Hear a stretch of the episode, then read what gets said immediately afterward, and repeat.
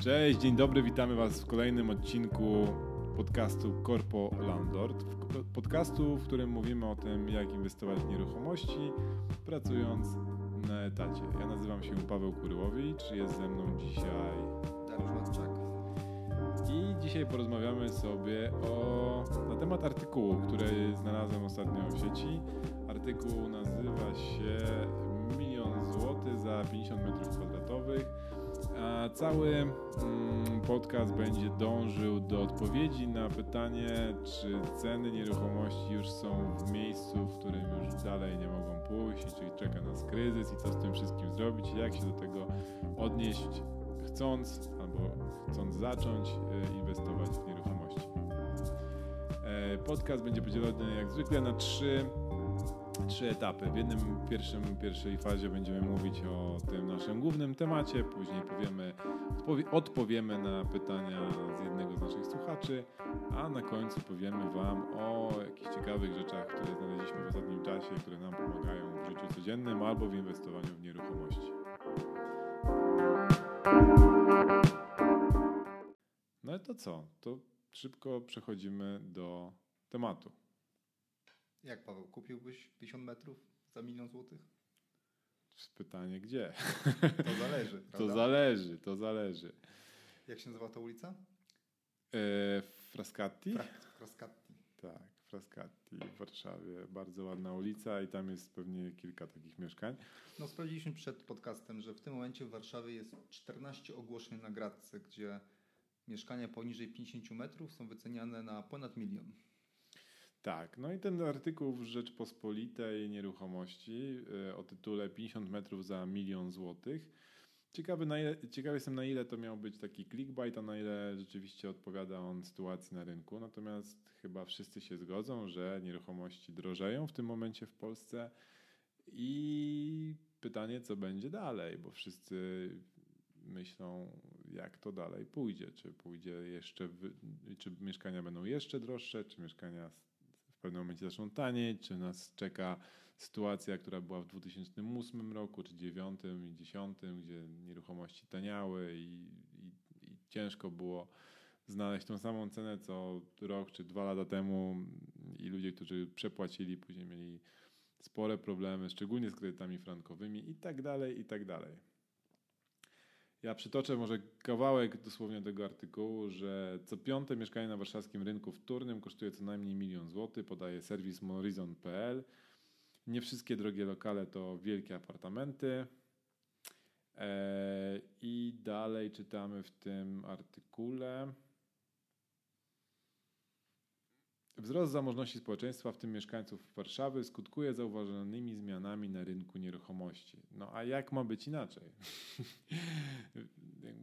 Rynek nieruchomości to chyba jeden z najbardziej poukładanych rynków, jeżeli chodzi o kwestię podaży i popytu. Nie wiem, czy się ze mną zgodzisz, ale to jest tak, że jeżeli ludzie się bogacą, mają więcej kasy na koncie, mają więcej kasy do wydania ogólnie, mają więcej możliwości finansowych, no to szukają czegoś droższego, szukają, mają możliwość do zaciągnięcia większych kredytów. E, wykorzystują to sprzedawcy i deweloperzy. No i jak jest wyższy, wyższy popyt, no to jest mniejsza podaż i ceny idą do góry. Tak? Czy nie? Ja to źle rozumiem? No bo to taka oczywista oczywistość, że wzrost zamożności społeczeństwa skutkuje zauważonymi zmianami na rynku nieruchomości. No trudno, żeby było inaczej, żeby ludzie się bogacili, a nieruchomości stały w miejscu. Byłoby ciężko, ale byłoby jak wspaniale, Paweł. Jak było wspaniale. Ja wiem, teraz też jest wspaniale. Wiecie, wiesz, no, ci, którzy kupili wcześniej, albo kupują w okazyjnych cenach, albo potrafią jakby wykorzystać ten rynek, no to myślę, że tam źle im nie jest. Bo chociaż też większość ludzi oczywiście zawsze znajdzie możliwość narzekania i zaczną narzekać, że kiedyś można było kupić mieszkanie w tej okolicy za 7 tysięcy za metr kwadratowy, a teraz kosztuje 14. I, I co ja mam z tym wszystkim zrobić?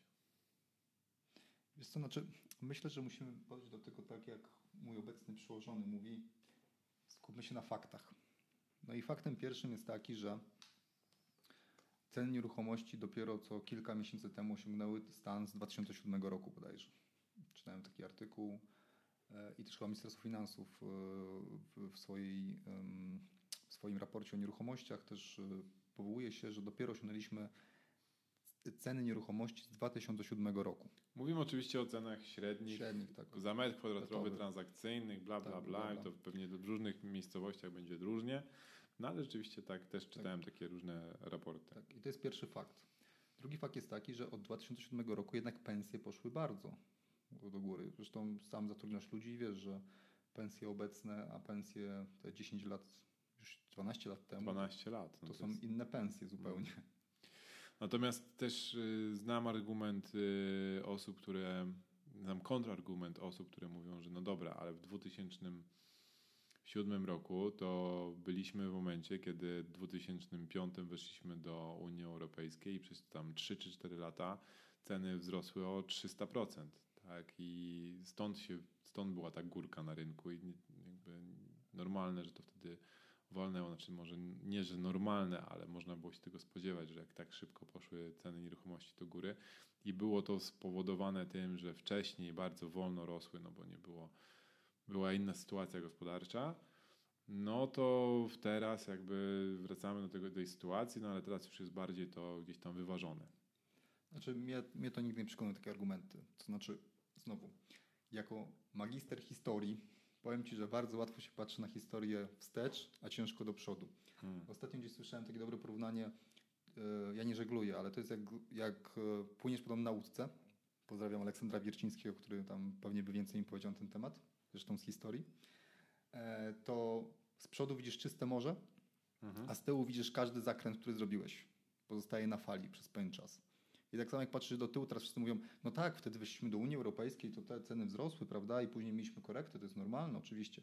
I za 10 lat to będzie siedział też w tych hali koszyki i będzie też mówił, no w 2019 roku przecież wszyscy wiedzieli, że te ceny będą jeszcze rosły 3 lata, a później spadły, bo mieliśmy X, no, Y. Tak, tak, Więc tak, tak. Ja jakby nie kupuję tego argumentu. Kupuję fakt, że ceny dopiero osiągnęły ten stan co 12 lat temu, a pensje mają zupełnie inną wartość. I w 2007 roku też ludzie kupowali te nieruchomości. Tak, to nie jest tak, że one rosły na ofertach, a, a, a, a, tak naprawdę to, to nie rosły wcale, no bo, bo nikt tego nie kupował, tylko to były oferty sprzedażowe i ludzie chcieli za tyle sprzedać. No nie, no to były rzeczywiście oferty, znaczy to były rzeczywiście ceny transakcyjne.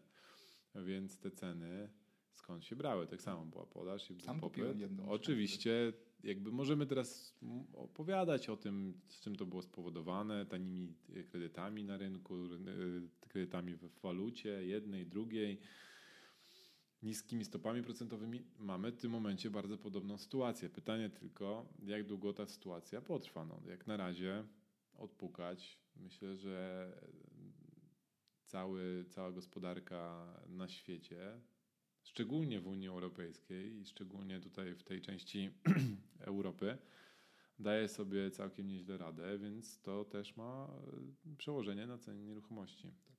Ale trzecim faktem jest także niezaprzeczalny fakt, iż mamy cykle koniunkturalne i na to trzeba być przygotowanym, że w pewnym momencie ta koniunktura się zmieni na rynku. Znaczy, jeżeli ktoś mnie pyta, czy idzie kryzys, to ja mówię tak idzie kryzys, na 100% idzie kryzys i na pewno będzie korekta na rynku i na pewno będzie załamanie w pewnym momencie i na pewno będzie tak, że ceny nieruchomości spadną średnio w całym kraju o 20%. Pytanie tylko kiedy? Nikt tego nie wie. I myślę, że jakby ktokolwiek wiedział, to by zarobił na tym ogromne pieniądze. Może się znajdzie dwóch takich, co gdzieś tam zaryzykuje i będzie przepowiadało kryzys przez 10 lat i akurat trafi i później powiedzą, no tak, no przecież to było proste, że do przewidzenia. No przecież wiadomo, że Brexit, później e, problemy w Francji ekonomiczne, później e, Grecja, później coś tam, później coś tam, no to normalne, że to tak musiało się skończyć. No. Dokładnie. Znaczy, cykle koniunkturalne to, są, to, jest, to jest ciekawy, bardzo ciekawy temat. Ja zetknąłem się z tym tematem bardzo wnikliwie go tam sobie przestudiowałem w momencie, kiedy roz, rozpoczynaliśmy e, temat zakupu nieruchomości w Wielkiej Brytanii. I tam okazało się, że mądrzy naukowcy przebadali 100 chyba 15 lat rynku nieruchomości na wyspach i odkryli, że, już teraz dokładnie nie pamiętam, ale chyba co 17 lat jest cykl, który się da po prostu wymierzyć w, w odchyleniu kilku miesięcy. I ten cykl jest podzielony na dwa takie etapy. Jeden to jest zwyżka od poprzedniego kryzysu. Później po kilku latach, tam ośmiu latach chyba jest, jest korekta. I później jest zwyżka taka, wiesz, nieproporcjonalnie większa. I jest takie wystrzelenie do góry, i później jest ten kryzys taki bardzo, bardzo mocny. Więc to można sobie wyobrazić jak taką, taką falę, która postępuje tak najpierw troszeczkę, później trochę mocniej, a na końcu jest takie uderzenie w dół. I, i to jest niewiarygodne, jak, to, jak, to, jak bardzo to się powtarza. I, I znowu, jakby ciężko jest powiedzieć, czy to się wy, wydarzy. Znaczy, jedno, co tam czytałem e, w komentarzach do, tego, do, tego, do, do tych badań, to było to, że te cykle się wydłużają że coraz dłuższe są te cykle koniunkturalne i ciężko jest przewidzieć dokładnie, w którym miejscu one wystąpią. Natomiast, no słuchajcie, jeżeli ceny nieruchomości w Polsce y, mogą się wydawać przeszacowane albo nad, nadmiernie wygórowane, to co powiemy o cenach, ja mówię znowu o rynku tylko, który znam, czyli Wielka Brytania, gdzie od 2008 roku, gdzie tam był ten kryzys, największy credit crunch i tak dalej, i tak dalej, ceny nieruchomości wzrosły dwukrotnie. Jakby, czyli w tym momencie, w 2007 roku, jeżeli porównamy ceny 2007 rok i 2019 w Polsce, to są mniej więcej podobne, a jeżeli porównamy te same ceny, znaczy w, tych samych, w tym samym okresie ceny w Wielkiej Brytanii, to się okazuje, że jest E, dwukrotnie, średnie ceny są dwukrotnie wyższe. No i teraz pytanie, co tam? Jeszcze do tego dochodzi Brexit i tak dalej. Co tam będzie za chwilę, tak? No. I co tutaj robić, tak? Czyli co, teraz przestajemy w ogóle kupować nieruchomości przez najbliższe 4 lata i czekamy, co się wydarzy.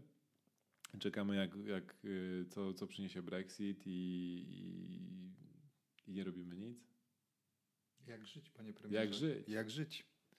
No a, z drugiej strony, a z drugiej strony, jak masz dołek, ja pamiętam, jak w 2013 zaczynałem i wtedy było tak, że że e, te ceny nieruchomości były dość niskie. Znaczy, w porównaniu do dzisiejszych cen to w ogóle była połowa tego, co w tym momencie jest. A ludzie mówili, że nie, to nie ma sensu inwestować w nieruchomości, bo one są cały czas nie, niepewne i tak dalej, i tak dalej. Także zawsze znajdą się wymówki na to, żeby nic nie robić i czekać i później narzekać, że no tak, no wtedy to miałeś dobrze, bo wtedy kupiłeś tyle i tyle. I teraz ja, szczerze mówiąc, jestem za młody i za, za, za, za krótko jestem w tym biznesie, żeby mówić jakieś o, o jakichś e, przemyśleniach w, związanych z, e, z poprzednim kryzysem.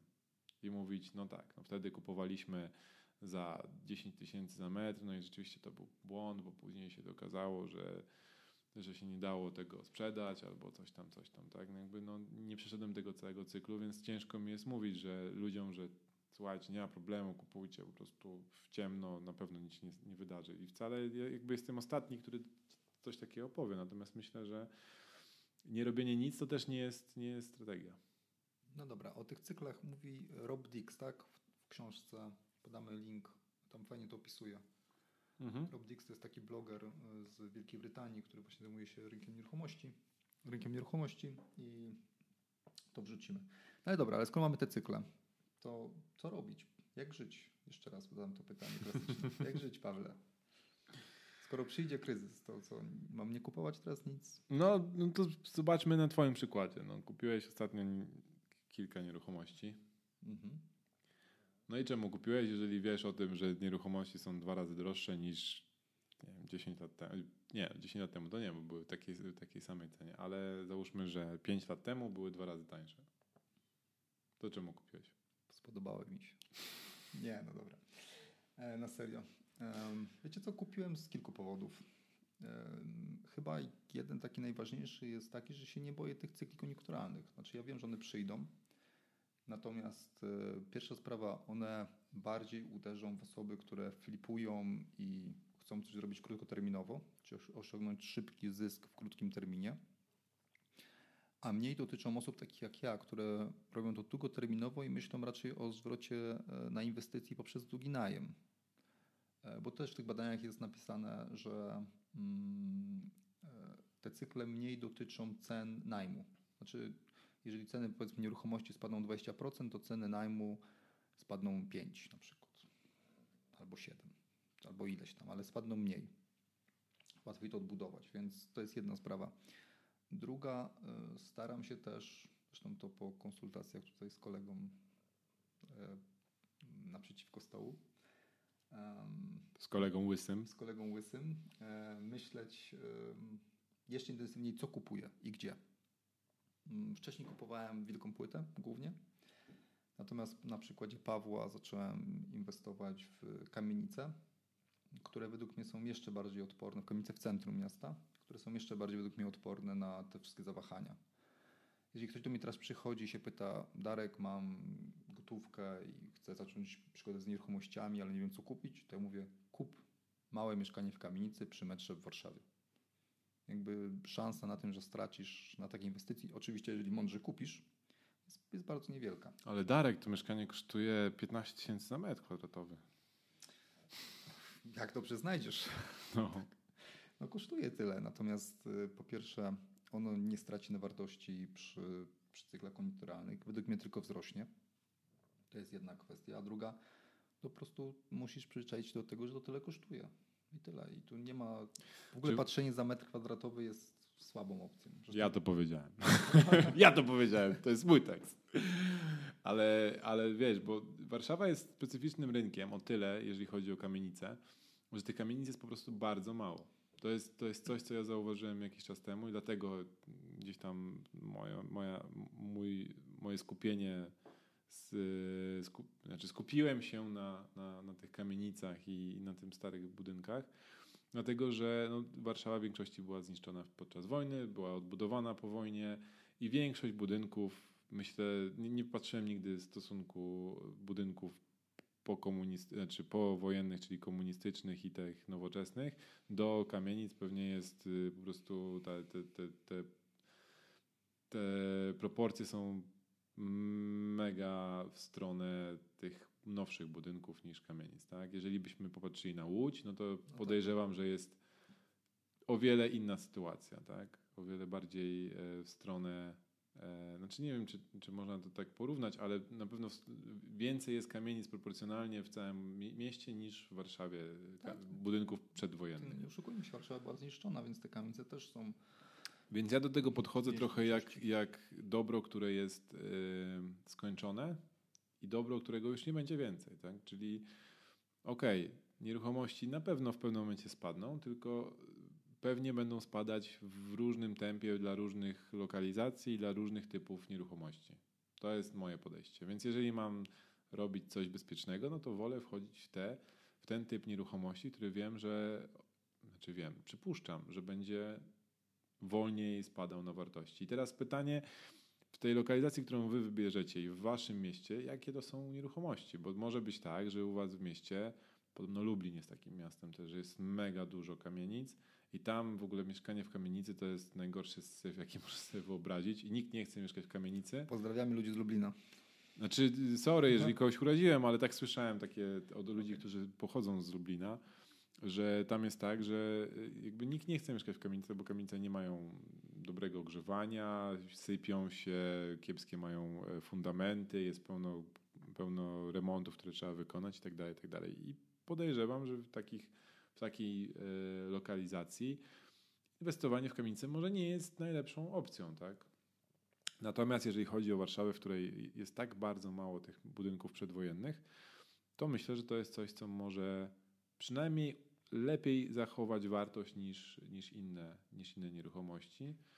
I to jest jeden, jeden z tych czynników, które ja bym brał pod uwagę. E, kolejna rzecz to jest taka, czy ta cała inwestycja ci się spina w Excelu, ale nie, że spina się na dzień dzisiejszy, przy dzisiejszych stopach procentowych, przy dzisiejszych, e, dzisiejszych cenach najmu. I zakładają, że to wszystko będzie tylko piękniejsze, czyli ceny najmu pójdą w górę, a stopy procentowe zostaną na tym samym poziomie, jakim są w tym momencie, albo jeszcze spadną. tylko jak to się spina, jeżeli wszystko zmieni się na przykład o 10% do góry, tak? Do góry, w dół i tak dalej, żeby zobaczyć sobie, jak to, jak to, jak to wygląda. W takie różne symulacje sobie porobić. Jeżeli, jeżeli w tym momencie na rynku, na rynku jest, podejrzewam, że jest o wiele więcej inwestorów, e, osób, które chcą zainwestować w nieruchomości niż to było 5 lat temu, I ta konkurencja jest o wiele większa i jest o wiele ciężej kupić nieruchomość, która jest atrakcyjna i ma y, poduszkę, y, znaczy tą różnicę między, między ceną zakupu a ceną sprzedaży, potencjalną ceną sprzedaży, albo jak wyremontujemy sobie to mieszkanie, to ono będzie o wiele więcej warte niż to, które kupiliśmy, y, albo jakbyśmy mieli kupić wyremontowane. Jeżeli to wszystko się składa tak, że jest, że jest ciężko na rynku po prostu, no to może wstrzymać się trochę i jakby nie kupować pierwszego lepszego y, okazu, tylko, tylko szukać, szukać, szukać i dopiero kupić coś, co rzeczywiście nam się wydaje, że y, na tym nie stracimy. Nawet jeżeli jutro rozpocznie się kryzys i ceny nieruchomości spadną o te 20%. Tak, znaczy ja jestem zawsze przerażony, jak rozmawiam z kimś i, i mówi mi ta osoba, że mu na najmie, na nie wynajmuje mieszkanie za 1000 zł i zostaje mu na czysto 50 zł po, po kosztach kredytu i po kosztach, nie wiem, tam dodatkowych. No to, to jest po prostu ktoś sam się prosi o to, żeby mieć problem za kilka lat. Bo przy pierwszym cyklu te osoby niestety zostaną zweryfikowane. Znaczy, okej, okay, znaczy ja, ja tylko sorry, że wejdę w słowo, ale wiesz, to wszystko pytanie, jaką kto ma strategię. Jeżeli ktoś uważa, że i tak chce mieć tą nieruchomość, bo z jakichś tam przyczyn, to okay, tylko że musi być tego świadomy, tak? Pracuję na etacie w dużej korporacji, mam duże zarobki, kupuję tą nieruchomość dlatego, że ma jakieś świetne walory i w, nie patrzę na to w przeciągu tam dwóch lat, tylko w przeciągu znaczy, jeżeli 15. Jeżeli kupuję na, tak, na ochronę kapitału i tak dalej, to okej. Okay. Natomiast ja poznałem osoby, które kupują tak, bo liczą na e, szybki wzrost w wartości nieruchomości, tak. za rok sprzedadzą i, i będzie super generalnie. No, raz się uda, drugi raz się uda, ale ten cykl przyjdzie. I w pewnym momencie, jeżeli nie masz no wiecie, tu wchodzimy jeszcze w takie, w takie dyskusje już typu ktoś kupił trzy nieruchomości, zarobił na tym parę tysięcy i kupił sobie od razu samochód za to i kupuje kolejne i to wszystko jest po prostu tak wystreczowane jak mm. że ledwo do pierwszego starcza, więc tu, tu, tu ja bym był ostrożny pod tym względem. Natomiast jeżeli kupujecie, jeżeli waszą funkcją celu jest ochrona kapitału, to jak najbardziej. Znaczy znowu przy zachowaniu zdrowego, zdrowego rozsądku i przy przekalkulowaniu tego na różnych scenariuszach. A jak nie wiecie, jak to przekalkulować, to dajcie znać i poprowadzimy Was w miejsce, w którym będziecie mogli się tego nauczyć, albo my możemy Wam jakoś pomóc. Eee, no, nawet byłoby ciekawe, jakby ktoś do nas napisał z jakimiś tam swoimi kalkulacjami i żebyśmy mogli to przeanalizować wspólnie. Bo, bo myślę, że ludzie często za, mm, zapalą się do czegoś i mają taki pomysł, że dobra, w tym roku muszę kupić nieruchomość tak, muszę, bo to jest mój pomysł na, na to, żeby... Bo wszyscy kupują. No, albo, albo mam, taki, mam taki cel i koniecznie muszę to zrobić. I później e, oglądają dwie, trzy, może dziesięć nieruchomości, wybierają tą, która jest najbardziej jakoś tam opłacalna i kupują. I później jest płacz i, i jakby nie, nie zdawali sobie sprawy, z, z, jaką, z jakim przedsięwzięciem się e, spotykają bo moim zdaniem trzeba zrobić tą, odrobić tą lekcję mm, na tyle wnikliwie, żeby wiedzieć, czy coś rzeczywiście się będzie opłacało w dłuższej perspektywie, czy nie. I tak jak powiedziałeś, jakby jeżeli spekulujesz na rynku, no to licz się z tym, że w pewnym momencie może być naprawdę gorąco, no bo spekulujesz, czyli szukasz z wartości na, na różnicy tego, jak te ceny wyglądają dzisiaj, a jak te ceny będą wyglądały jutro, za miesiąc, za pół roku, za rok, a nie myślisz o tym, co będzie w przypadku, gdy one się diametralnie zmienią.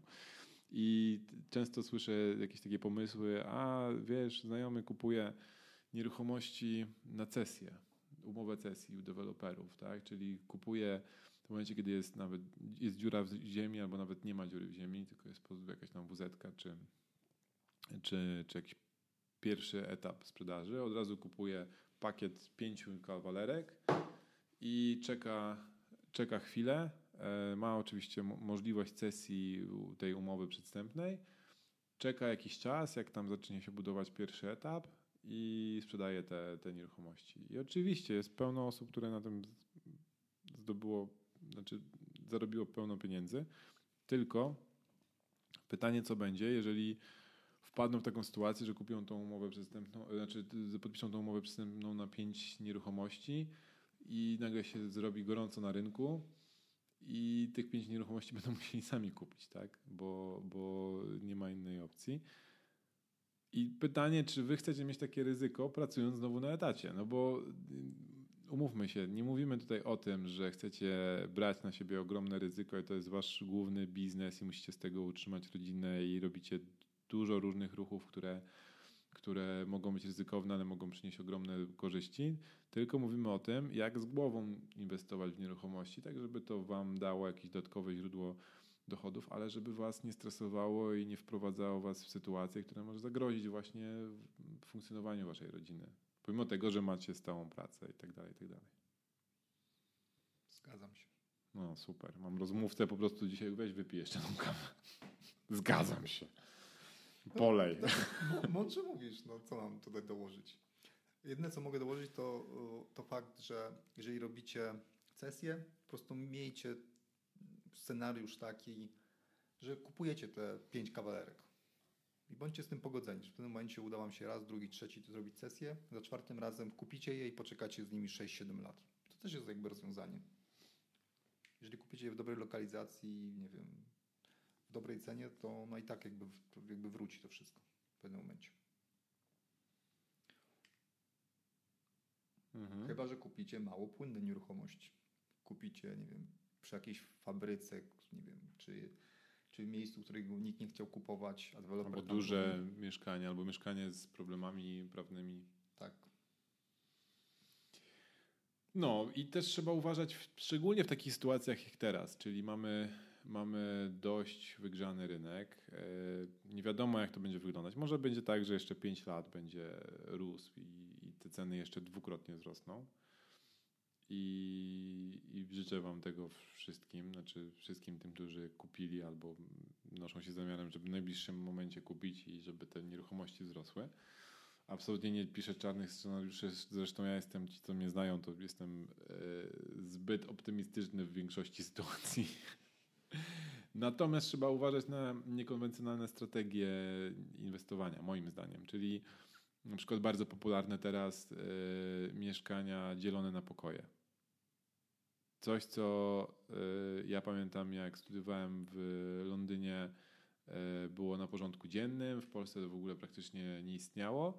W tym momencie zrobiło się bardzo głośno o tym, jak dużo można zarobić na tym, że się podzieli mieszkanie 50-metrowe na 5 pokoi i jak się zwiększa cena najmu, jakby ta, ta, ta suma najmów z tych pięciu pokoi i jak, jak wiele więcej można zrobić. I są ludzie, którzy przygotowują te gotowce inwestycyjne tak zwane, czyli przygotowują takie mieszkanie i później wynajmują te poszczególne pokoje i później na przykład sprzedają to kolejnemu inwestorowi, który już ma jakby gotowy biznesplan, tak? Tak i często gwarantują e, ileś lat e, stałości e, zysku.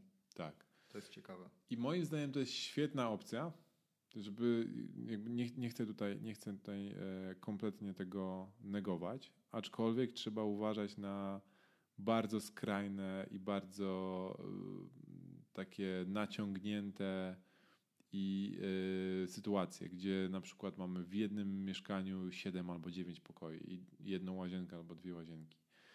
Okej, okay, to może się spinać w tym momencie, aczkolwiek z tego co wiem i co rozmawiam z ludźmi, którzy robią to na co dzień i mają tych pokoi tam po kilkadziesiąt albo nawet pod setkę podchodzą, to mówią, że jest coraz ciężej wynająć pokój i coraz częściej ludzie dzwonią i pytają się, e, dzień dobry, w tym mieszkaniu to ile jest pokoi? Jakby ich to od razu interesuje, tak? bo, bo już spotkali się z tym, jakby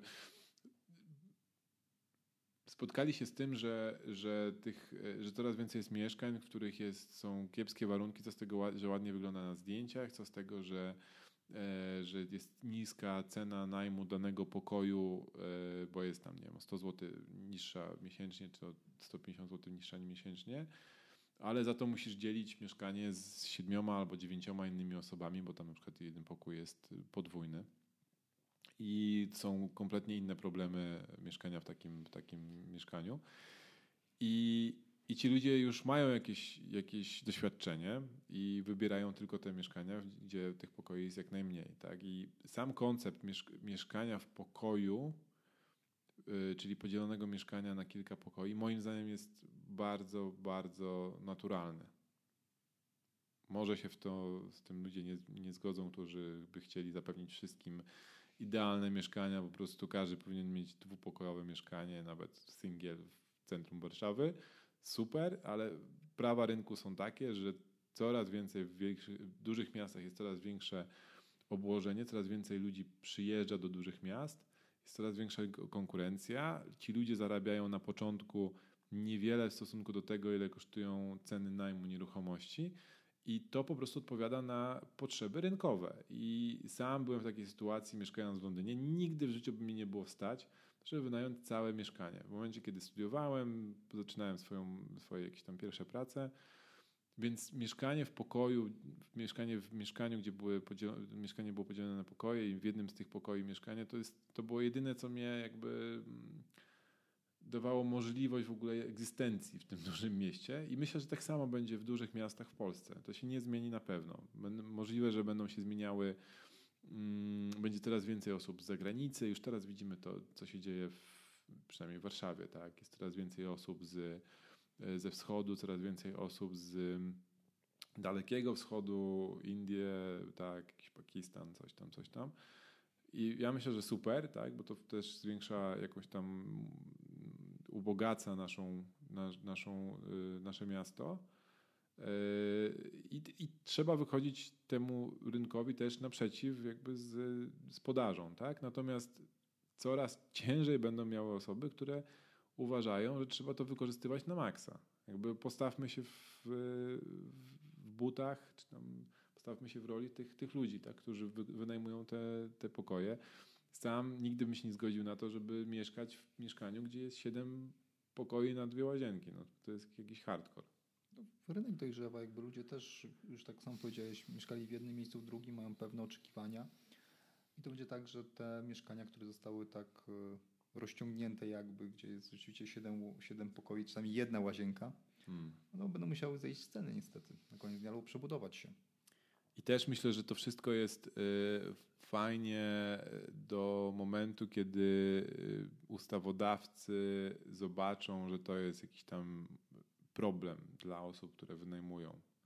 Że są wykorzystywani, że, że mm, te jakby warunki w tych mieszkaniach też są e, coraz bardziej zaniżane, bo w Wielkiej Brytanii już w tym momencie jest tak, że każdy E, urząd miasta czy tam dzielnicy wprowadza swoje obostrzenia, ile może być pokoi w danym budynku albo w jakimś tam mieszkaniu. I jeżeli mieszka w tym mieszkaniu więcej niż pięć osób, to na pewno jakby z automatu jest w całym, w całym kraju, ale w każdy urząd jeszcze może to sobie zmienić to według, według swoich jakichś tam regulacji, że właściciel takiego mieszkania podzielonego na pokoje musi mieć licencję i musi zmienić, znaczy musi, musi dostosować się do, do prawa budowlanego, które ma konkretne obostrzenia, czyli muszą być warunki przeciwpożarowe, musi, musi być odpowiednia wielkość yy, sypialni, musi być odpowiednia wielkość wspólna, yy, powierzchni wspólnej i tak dalej, i tak dalej. Więc podejrzewam, że w pewnym momencie, to jest mój taki to, to, to ja, ja bym stawiał na to, że, że za jakiś czas w dużych miastach na pewno będą, będzie coś podobnego, będzie jakaś regulacja tego rynku. Szczególnie jak dojdzie do jakiegoś pierwszego e, poważnego wypadku, że tam wiesz, spłonie jakieś takie mieszkanie, bo ktoś nie dopilnował tego, że kuchnia miała kuchnię gazową na przykład i była w miejscu takim, że E, była w korytarzu przy samym wyjściu i ludzie nie mieli jak wyjść z mieszkania, bo kuchnia się paliła, a wszystkie pokoje, wszystkie sypialnie były oddalone od wyjścia ewakuacyjnego. Myślę, że standard w tym momencie, jeżeli chodzi o podział mieszkań, bo wszyscy mówią tak. o tym, wyrzućcie kuchnię do, do przedpokoju. Brzmi to super z punktu widzenia biznesowego, z punktu widzenia jakichś takich właśnie zasad przeciwpożarowych, no to to jest bez sensu, tak? I yy, wiem dokładnie, jak to wygląda w tym momencie w Wielkiej Brytanii, bo tam jak budujemy teraz te nowe mieszkania, to musimy brać, na, pod, musimy brać uwagę, pod uwagę yy, rozkład pokoi właśnie yy, nawet w normalnym mieszkaniu, nie podzielonym na jakieś tam pokoje, które będą wynajmowane, tylko w normalnym mieszkaniu musimy brać pod uwagę to, w którym miejscu jest kuchnia, jak wygląda droga y, ucieczki przeciw tej, tej, tej pożarowej. E, tylko, że ze smutkiem stwierdzę, że trochę ludzie dyktują te warunki. To znaczy, mam znajomego w Łodzi, który zrobił też na pokoje mieszkanie, tylko w takim wyższym standardzie, gdzie kuchnia jest osobnym pokojem, szaleństwo w ogóle. E, I miał problemy z najemcami. Znaczy nie, ludzie nie chcieli jakby zapłacić dodatkowo za tą dodatkową wartość. E, więc to jest trochę tak, że niestety ustawodawca pewnie wejdzie w pewnym momencie i to wszystko ureguluje w lepszy lub gorszy sposób. Natomiast z drugiej strony mam takie przemyślenie zawsze, że dopóki nie ma regulacji, to niestety można więcej zarobić na tym. Nie, no jakby ja się zgadzam. Szara, szara taka strefa, tak samo jak masz Airbnb, też nie ma regulacji i jakby jeszcze do niedawna to były fajne pieniądze. Teraz Teoretycznie to... są, ale te regulacje, ale są jakby, wiesz, omijane. No, no dobrze, no ale nie, nie są jakby takie jasne i klarowne w tym mhm. momencie.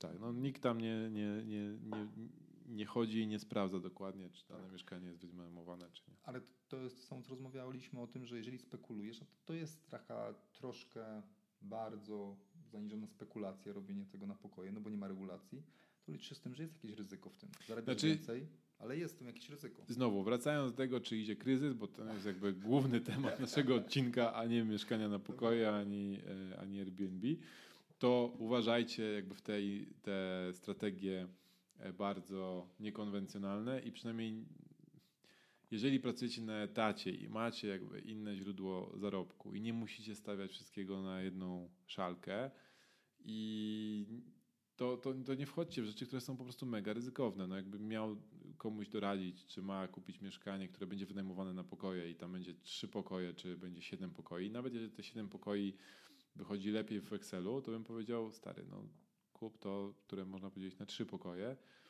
Pomimo tego, że będziesz mniej zarabiał, to przynajmniej jesteś bardziej chroniony, że jesteś w stanie to jakoś obronić w przyszłości, tak? To jest moje podejście. Każdy ma jakby różne podejście do ryzyka. Natomiast jeżeli myślimy o tym, że kryzys będzie w pewnym momencie, no to myślę, że, że trzeba się na ten kryzys w jakiś sposób szykować i, i brać to pod uwagę po prostu, i wtedy nie będzie to tak bardzo bolało. E, jeszcze myślę, że powinniśmy powiedzieć o sposobie finansowania, bo mm, kryzys jest o tyle bolesny, jeżeli e, robimy coś, co wykracza poza nasze możliwości i robimy to dlatego, że nam pozwalają jakieś, jakaś sytuacja nam pozwala na to, żeby na przykład wziąć kredyt w obcej walucie albo wziąć kredyt w, na maksimum naszych możliwości, a później się okazuje, że wystarczy, że stopa procentowa pójdzie o 1% do góry i jesteśmy utopieni. Nie? Także myślę, że też trzeba brać to mega pod uwagę. Tak, szczególnie, że jeżeli jesteś już e, na krawędzi swoich zarobków, to znaczy wydajesz prawie wszystko, co, co zarabiasz, to też jest, trzeba przemyśleć, czy dobrze wydajemy pieniądze wtedy.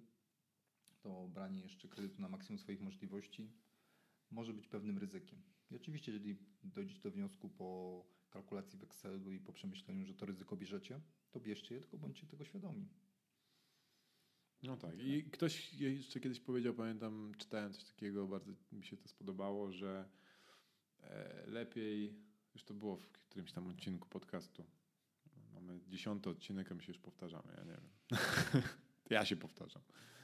Ale to mi się bardzo spodobało i ten, kto pewnie nie słuchał wszystkich odcinków, to, to może coś z tego weźmie, że lepiej jest kupić nieruchomość i poczekać, niż czekać, żeby kupić nieruchomość.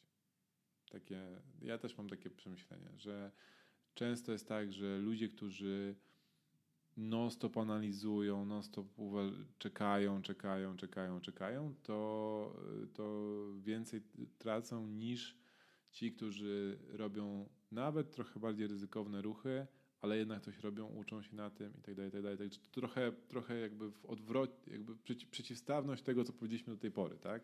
Że według mnie trzeba zachować w tym wszystkim jakiś taki zdrowy rozsądek i z jednej strony dużo analizować po to, żeby nie wplątać się w kłopoty, natomiast znowu nie siedzieć i nie non-stop nie analizować i tylko śledzić, śledzić, śledzić, a później nic się nie robi i narzeka, że a, mogłem kurde zrobić to trzy lata temu i w tym momencie by to w ogóle inaczej wyglądało. To znowu trochę tak jak Mirek mówi Burnejko, z którym mamy szkołę najmu. Than the perfect, tak? Tak, tak. Czasami trzeba jednak prostu coś zrobić i prostu się przemyśleć to w 80%, ale tak jak z każdym projektem i ze wszystkim, te ostatnie 20%, jeżeli byście chcieli zrobić idealny projekt, idealną, znaleźć nieruchomość, no to zajmie Wam mnóstwo czasu i energii. Czasami jest niepotrzebne chyba. Ja pamiętam jak dziś, jak jechałem samochodem z, to było właśnie te 12 lat temu mniej więcej, tak? No, coś, coś koło tego. Jechałem samochodem z gościem, który był grubym graczem na rynku nieruchomości w Londynie i opowiadał mi tak, wiesz, idziemy samochodem i mówi, a tą, to mieszkanie, znaczy ten dom kiedyś miałem. Widzisz, ten dom też miałem kiedyś go. Ten, ten tutaj, o ten, też miałem, później sprzedałem, zarobiłem na nim 100 tysięcy. A ten, ten miałem też i później go wynajmowałem, później go sprzedałem, później go znowu odkupiłem, później go znowu sprzedałem. Ja tak siedzę w tym samochodzie, jak taki, wiesz, młody gnojek po prostu... Ile miałeś wtedy lat? 20, 21. Wiesz, taki e, chętny po prostu pochłonięcia jak najwięcej ilości wiedzy, a z drugiej strony niedowierzający, że kiedykolwiek coś będę w stanie robić podobnego. Natomiast z, z zadziwieniem po prostu słuchałem takich historii i powiedziałem coś, coś w stylu, no tak, no, no wtedy to wiadomo, że jak kupiłeś, no to, to w tamtych czasach jak kupiłeś, no to wiadomo było, że, że zarobisz, tak? Że te ceny były o wiele niższe nieruchomości. I on wtedy pamiętam, że mi tak, strzelał mi takiego mentalnego liścia od razu i mówi Paweł, na każdym, w każdym momencie rynku, jakby w każdym momencie chciał powiedzieć cyklu, tak, tego koniunkturalnego, wszyscy mają tyle samo wiadomości. I to zawsze jest dokładnie tak samo, że zawsze te ceny dla wszystkich są takie same, tak? Czyli to nie jest tak, że w danym momencie myślisz sobie, że ok, to jest, to jest już tanio, a to jest już drogo. Znaczy to ty możesz sobie po, po odrobieniu pracy domowej i po tym, jak siedzisz, im dłużej siedzisz na rynku, to możesz wywnioskować, tak? Natomiast jeżeli się bijesz z kimś, jakby to nie jest tak, że w 2007 roku, czy tam może zły przykład, w 2010 roku, kiedy spadły ceny nieruchomości, to, to wszyscy nagle zaczęli kupować nieruchomości mówią, no teraz to już pospadały do takich tak. wartości, że za 10 lat to po prostu będzie dwukrotna przebitka, minimum. A biorąc pod uwagę rynek y, Wielkiej Brytanii, to czterokrotna. No nie, no wtedy wszyscy mieli tyle samo informacji, dla wszystkich te ceny przed chwilą pospadały, Wszyscy się bali, czy spadną jeszcze niżej, czy pójdą do góry, czy coś się z tym wydarzy, czy za chwilę kolejne będą jakieś cięcia i tak dalej, i tak dalej. I, i, i jakby mierzysz się z tym samym rynkiem dookoła, tak? Znaczy wszyscy mają te same informacje, już się powtarzam, ale chodziło o to, że w danym momencie yy, nie jesteś w stanie przewidzieć, co będzie w przyszłości. I albo robisz tą pracę domową i i będziesz, będziesz wiedział, że dla ciebie to się opłaca, albo przynajmniej przeanalizowałeś to tak, że, że czujesz, że to może się opłacać i wchodzisz w ten temat, no albo kupujesz na czuja i wtedy się po prostu możesz zbłaźnić, albo przynajmniej możesz grubo na tym polecieć. Zawsze jest tak samo ciężko. Tak, o, to, to jest to, co chciałem powiedzieć. ja się... I to można, jest właśnie. To, zawsze jest tak samo ciężko. Podsumował Darek w jednym zdaniu, a nie ten, a nie się rozwodzę, 15 minut próbuję powiedzieć jedną rzecz. Ale jakby kończąc jakby temat tego. Ja się wcale nie zdziwię, jeżeli za 10 lat za 50 metrów w Warszawie będą oferty po 2 miliony. Wcale mnie to jakby nie ruszy. I też się nie zdziwię, jeżeli w ciągu tych 10 lat nie przeżyjemy jednego albo no, przynajmniej jednego cyklu koniunktury. Czyli Albo przynajmniej jednego kryzysu. tak, jakiegoś spadku, jakiejś zmiany i tak dalej. Natomiast jak to będzie, ani ty, ani ja nie wiemy. Tak, i nadgłówki 50 metrów za milion złotych, no myślę, że są dla ludzi, którzy po prostu nie mają pojęcia o tym, jak wygląda rynek w tym momencie, bo myślę, że spokojnie można by było znaleźć nawet, nawet droższe nieruchomości. Natomiast e, reasumując, patrzcie w Excela. Nie zalecamy Wam, i jeżeli chcecie uchronić się przed cyklami, iście w niekonwencjonalne in- inwestycje. Uważajcie na finansowanie. Tak, lokalizacja, lokalizacja. I spodziewajcie się tego cyklu, on przyjdzie, no. Tak, trzeba wiedzieć, że będzie na pewno kryzys.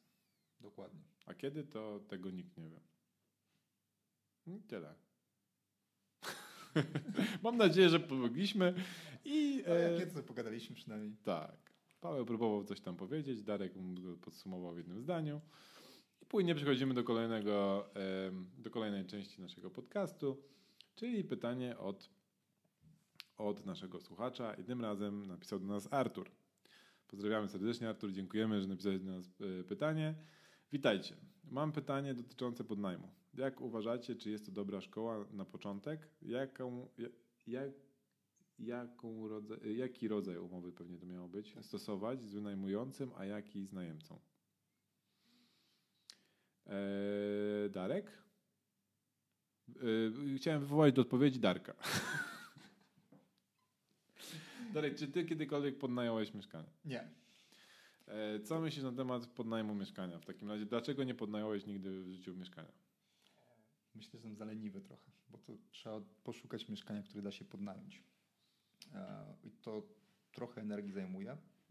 Natomiast nigdy o tym nie myślałem. Ten konwent zawsze kupuję po prostu.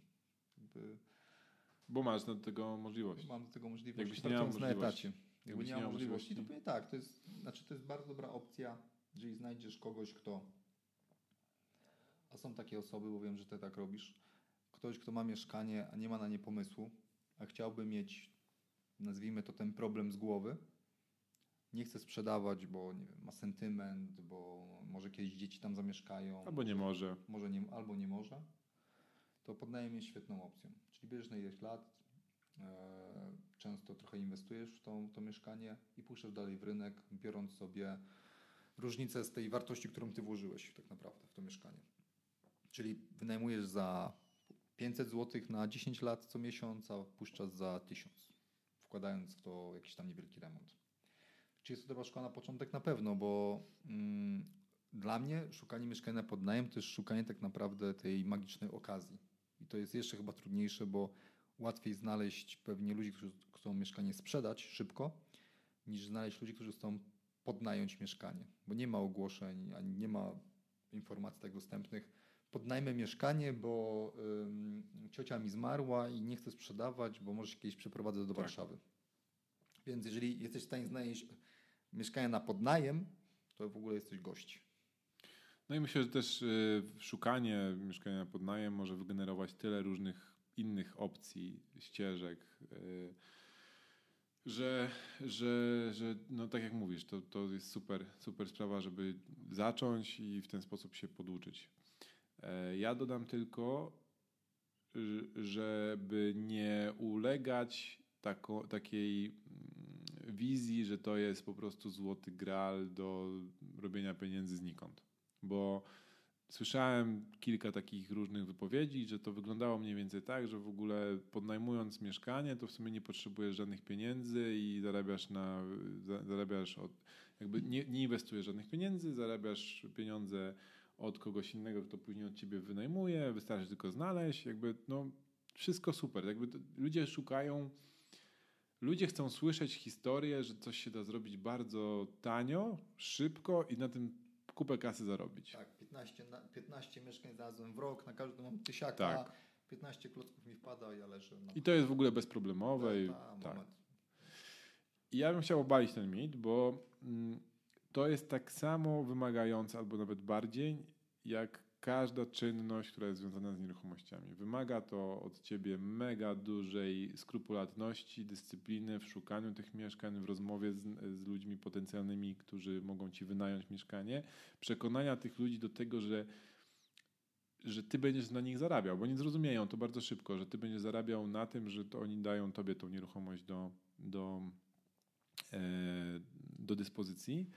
I więc ty musisz znaleźć argumenty, dlaczego to akurat ty masz wynajmować od nich i ty wynajmować i, i później jakby zarabiać na tym, że, że wynajm, będziesz wynajmował dalej. Jeżeli znajdziesz odpowiednią osobę, która po pierwsze chce się pozbyć problemu, tak jak powiedział Darek, i z tym się zgadzam przede wszystkim, tak, że są ludzie, którzy nie chcą mieć problemu z najmowaniem mieszkań, bo kojarzą to po prostu z samych złych rzeczy. Tak. Dzisiaj drugi raz się do nas zgodziłeś, naprawdę. Dobra niedziela zapowiada się.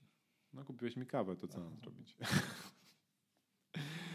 I to, to, to, to jak, jak znajdziesz, no przerwałeś mi teraz, nie wiem co miałem powiedzieć. Chodziło mi o to, że po pierwsze musisz znaleźć tych ludzi, po drugie musisz ich przekonać, po trzecie musisz się zabezpieczyć, po czwarte wynajmujesz coś, co nie jest twoje, więc tym bardziej musisz uważać i jeszcze musisz się zabezpieczyć z dwóch stron. Musisz zabezpieczyć się ze strony jakby osoby, od, od osoby, która ci wynajmuje mieszkanie, żeby w przypadku y, zerwania umowy po pół roku, żebyś nie poleciał z pieniędzmi, które zainwestowałeś. Po drugie, y, od, musisz się zabezpieczyć od strony osoby, która, która y, od ciebie podnajmuje, żeby też nie było sytuacji, że na przykład ci nie płaci i, tylko wychodzisz na tym na kiepsko wychodzić na, na całej tej, tej operacji, a do tego jeszcze musisz zainwestować swoje pieniądze, bo ja szczerze mówiąc nie wierzę, że da się to zrobić tak, że po prostu bierzesz od kogoś i podnajmujesz dalej i, i, i znaczy okej, okay, może się da, ale to moim zdaniem to nie jest zbyt y, rentowne i więcej jest tym, przy tym zachodu niż rzeczywiście kasy.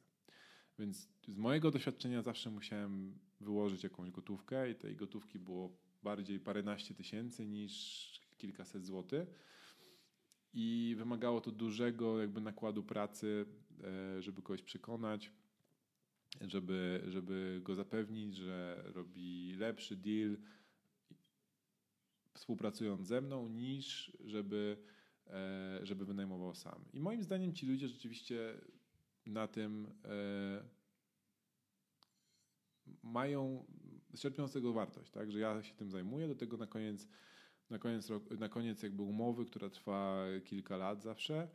Yy, ja zostawię to mieszkanie w lepszym stanie niż oni mi je wynajmowali, także zyskują podwójnie. Tak? Nie dość, że wynajmują mieszkanie, nie muszą się o nic martwić, dostają kasy na konto co miesiąc, to jeszcze na koniec pewnie ta wartość nieruchomości wzrośnie. Także ja jestem w 100% przekonany, że daje wartość ludziom z jednej i z drugiej strony, także moim zdaniem to jest super sprawa, natomiast nie można ulec yy, takiemu takiej, takiemu przeświadczeniu, że to jest mega łatwe, proste, przyjemne i w ogóle jeszcze pracując na etacie, to dasz sobie radę z tym e, bez żadnego problemu. Nie? Jakby... Na moment, 16 mieszkań. Tak. E, trochę odpowiadając na to, e, jakie umowy z wynajmującymi, jak i z najemcą. Mm, z najemcą na pewno e, umowa e, najmu instytucjonalnego, bo trzeba znowu też jeszcze zaznaczyć, że podnajem wymaga działalności gospodarczej. Nie możesz tego zrobić jako osoba e, fizyczna, tylko musisz to zrobić jako osoba prawna, czyli już masz jakiś pierwszy, pierwszą rzecz, którą musisz wykonać, czyli założyć w jakiś sposób e, jakąś formę działalności gospodarczej, czy to spółka ZO, czy, czy, czy działalność gospodarcza taka jednoosobowa, czy jakaś spółka cywilna, cokolwiek, tak? No ale musisz mieć możliwość wystawiania faktur, rozliczania się itd., tak itd., tak bo inaczej to robisz to po prostu nieprawnie, bezprawnie. I yy, na pewno najem instytucjonalny z jednej strony, a z drugiej strony myślę, że dobra umowa, która ciebie zabezpiecza, yy, tak, żeby nie można było ciebie wyrzucić w ciągu tych, tego czasu, który, który trwa umowa. Natomiast jeżeli e, dajesz możliwość, no bo ja na przykład daję możliwość wypowiedzenia umowy, tylko że tak to zapisuję, żebym ja też nie był stratny na tym, że ktoś mi wypowie umowę.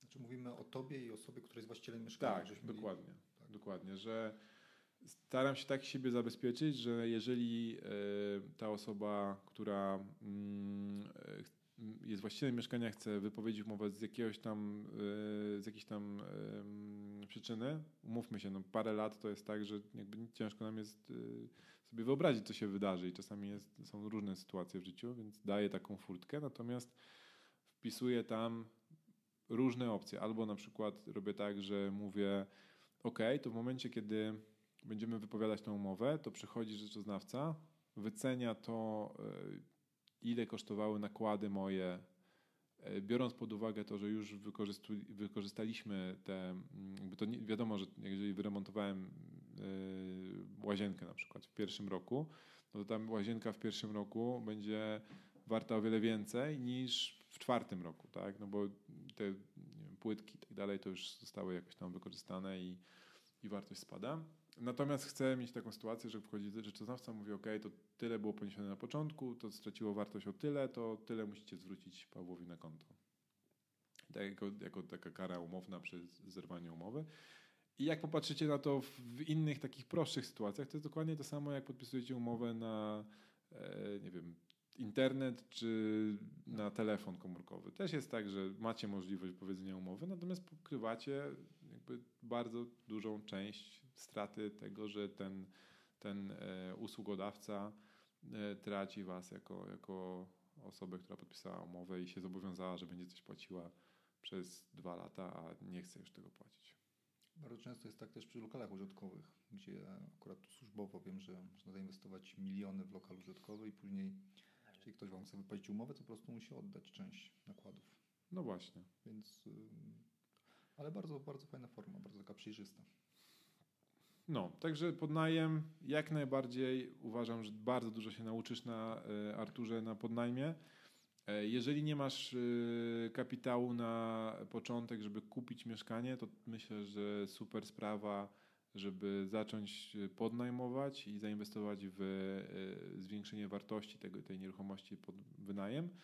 Natomiast musisz się liczyć z tym, że i tak musisz mieć jakąś gotówkę i tutaj żaden kredyt hipoteczny ci nie pomoże, tylko jak już to kredyty gotówkowe, no ale pytanie, czy się to rzeczywiście będzie opłacało, żeby brać gotówkę w kredycie i później jeszcze e, amortyzować ją przez wynajem. Na pewno musisz sobie to dobrze policzyć. Taką moją zasadą jest to, żeby e, zwrot tego, co zainwestowałem, e, wynosił od 12 do 18 miesięcy a reszta miesięcy, żeby była, była już, e, przynosiła już zyski. No i tyle. No i to jak z naleśnikami. Pierwszy może słabo wyjść, także. Ale jak już po, na pierwszym podnajmie się nauczysz, to później po prostu będziesz robił kopiuj w klej. No bo później nie będzie się dużo zmieniało, powiedzmy, jeżeli chodzi o sam proces. Bardziej już indywidualne podejście do tu trzeba kuchnię zrobić, tam łazienkę, tu trzeba całość zrobić, tu, tu 5 lat, tu 10 mhm. i tak dalej. No dobra.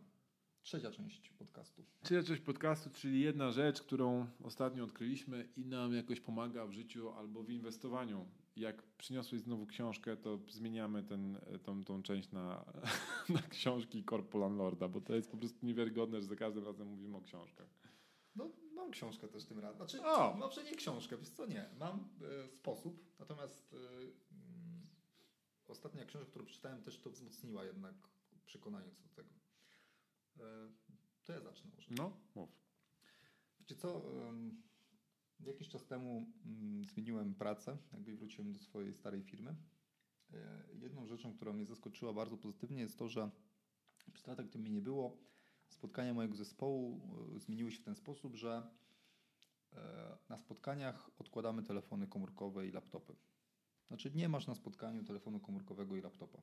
Chyba, że notujesz lub potrzebujesz do prezentacji. E, I wiecie, dało mi dużo do myślenia pod tym względem, że te spotkania są dużo bardziej efektywne, nawet efektowne, ale też efektywne. To znaczy nie masz tych rozpraszaczy, tego całego dzwonienia, tych, tych, tych a sprawdźmy jaka pogoda jutro i tak dalej, i tak dalej. To jest jedna rzecz. Ja od chyba dwóch czy trzech lat mam już wyłączone powiadomienia w telefonie i rzeczywiście tego telefonu staram się mniej używać. Natomiast nadal często jest tak, że jest on gdzieś e, za dużo używany przeze mnie. Natomiast e, te spotkania właśnie i to, że jeżeli teraz chcę coś zrobić konkretnego, to po prostu telefon chowam. On wychodzi, często na przykład jak mam coś napisać czy coś zrobić kreatywnego, to nawet e, komputer przekładam na flight mode, tak żeby nie, nie było nic, co mnie jakby jest w stanie rozproszyć. I w ten sposób widzę, że jestem w stanie zrobić więcej. Szczególnie w moim przypadku, gdy mamy jeszcze małe dzieci, to te momenty, kiedy oni śpią i ja coś mam zrobić, naprawdę trzeba się skupić tu i mam pół godziny i ja muszę to zrobić, koniec kropka, bo Inaczej w ciągu całego, całego dnia nie będę miał czasu. Więc y, tą jedną rzeczą jest zarządzanie uwagą, która bardzo dużo daje.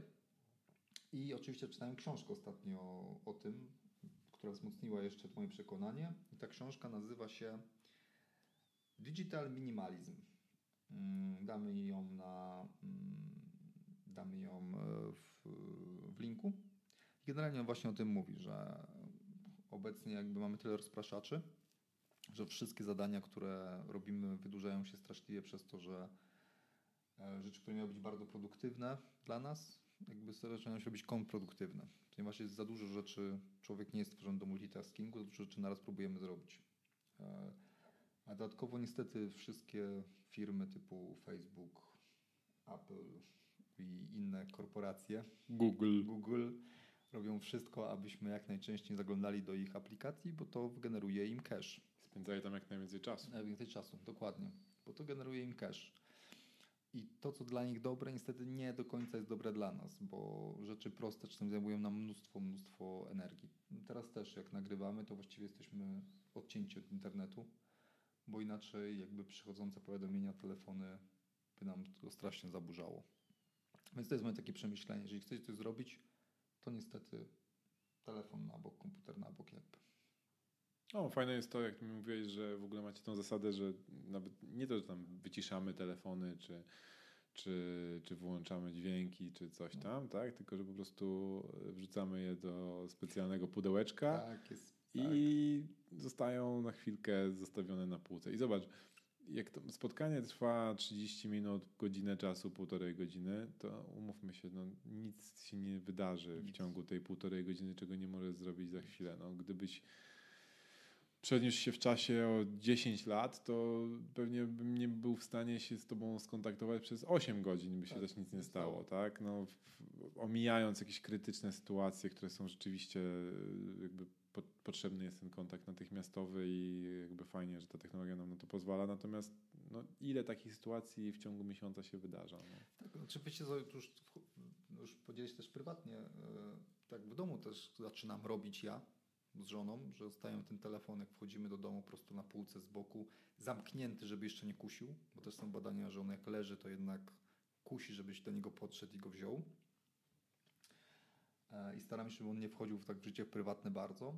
E, I to też e, jakby moje przemyślenie jest, jest wzięło się stąd, że mm, moje dziecko starsze, pięciolatek, gra w piłkę. Ja tam zawożę go w weekendy na tą piłkę, no i oglądam jak gra.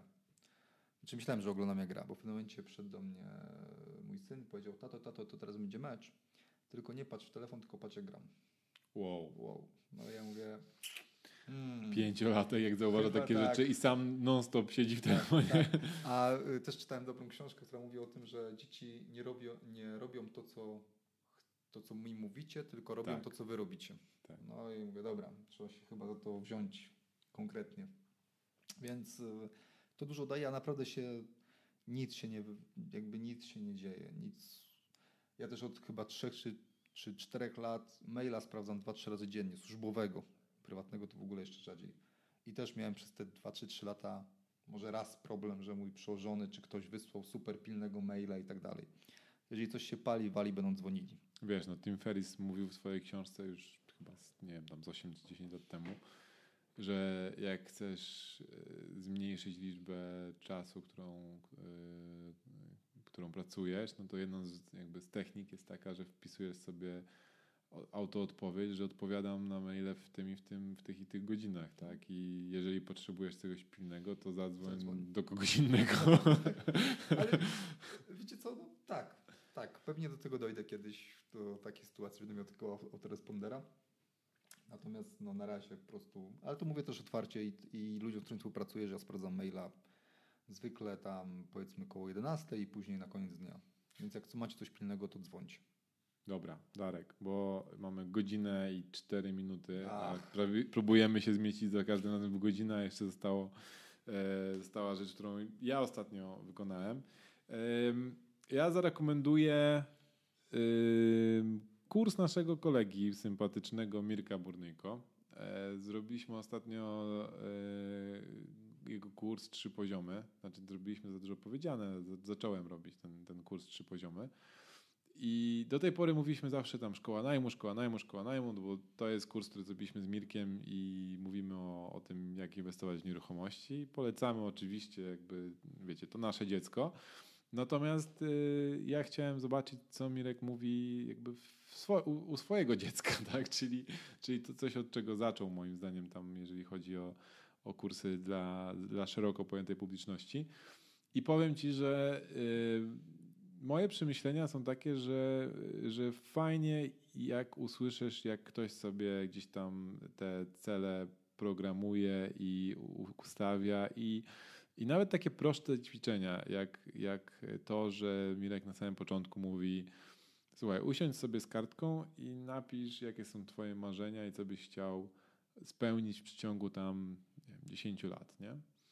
No i się okazuje, że tych marzeń wcale nie jest tak dużo. Jakby, czy ja bym chciał mieszkać w Kostaryce na przykład, y, wiesz, przenieść się i mieszkać w południowej Afryce, y, Ameryce, sorry no nie, no nie chciałbym. Nie? Jakby zaczynasz się zastanawiać nad rzeczami, które do tej pory ci się wydawały, że byłyby fajne, ale jak zaczynasz sobie analizować to, czy to jest rzeczywiście twoje marzenie, do którego chcesz dążyć, to się okazuje, że nie. I tych marzeń nagle się okazuje, że jest tam, jak jest 10, to jest maks. Większość z nich to są w ogóle rzeczy trywialne, typu jakieś tam, wiesz, materialne rzeczy, które chcesz sobie kupić czy coś tam, a to w ogóle jak, jak to zaczynasz analizować, to myślisz, no nie, no to nie jest jakby marzenie, do którego chcę dążyć przez najbliższe 10 lat, nie? To, to... to, to już nie AMG, Mercedes, nie? Nie, ale wiesz, wiesz, chodzi mi o samą Rozumiem. zasadę, nie? Tak. że zaczynasz analizować w ogóle swoje życie i to, w którym miejscu w tym momencie jesteś, a to, w którym miejscu byś chciał być za 10 lat. Nie? I to takie proste, po prostu taka prosta rzecz, stwarza ci problem rozpisanie tego. Nie? Znaczy przynajmniej mi. Nie wiem, może każdy jakoś inaczej ma, ma to. Ale jak zacząłem rozmawiać z kilkoma osobami, to się okazało, że, że wiesz, ma, bardzo mało ludzi ma w ogóle takie cele długodystansowe.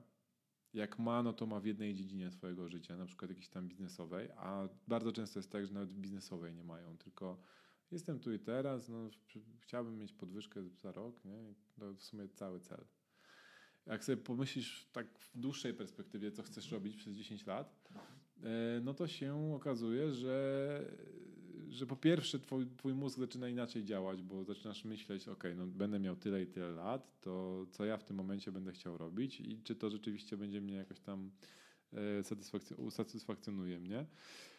No, więc polecam dla wszystkich tych, którzy nie wiedzą w jaki sposób sobie rozpisać te cele.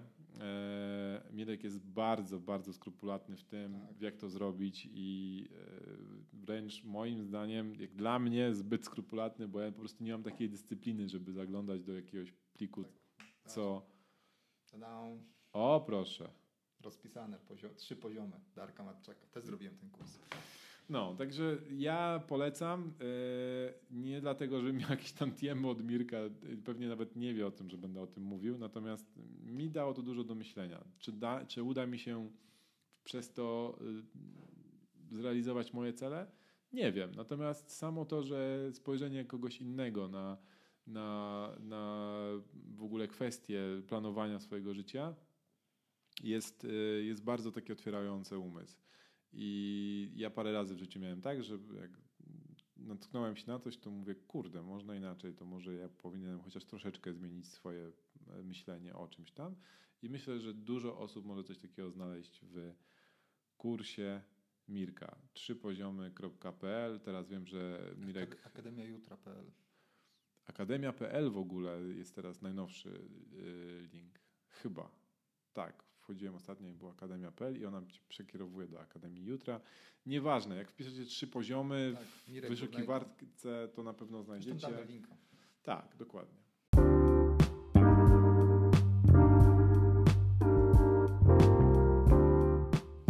Także polecam. Yy, godzina 10 kończymy, chyba że chcesz coś jeszcze powiedzieć odnośnie kryzysu albo o odnośnie dążenia do swoich celów, albo nie wiem, podnajmu czegokolwiek. Mów szybko, masz jeszcze 45 sekund. Nie. Czas tak. Nie, ale kawę już Dobra, idziemy na kawę. Was wszystkich pozdrawiamy. Dziękujemy, że jesteście z nami. To jest nasz dziesiąty odcinek Korpo Lorda. Y, niewiarygodne, że to tak szybko minęło. Y, kiedyś chyba opowiemy o tym, jak powstał w ogóle pomysł robienia tego podcastu, ale to może innym razem.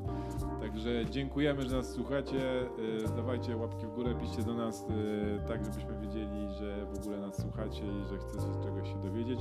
Jak macie jakieś pomysły na odcinki, to byłoby świetnie, jakbyście napisali nawet jednym y, zdaniem. I to tyle. Pozdrawiamy wszystkich serdecznie, co w tym momencie biegają, jeżdżą samochodem i słuchają nas w różnych dziwnych sytuacjach. Widziałem, że w przeróżnych krajach nas słuchacie, także pozdrawiamy gdziekolwiek jesteście. Yo. Yo.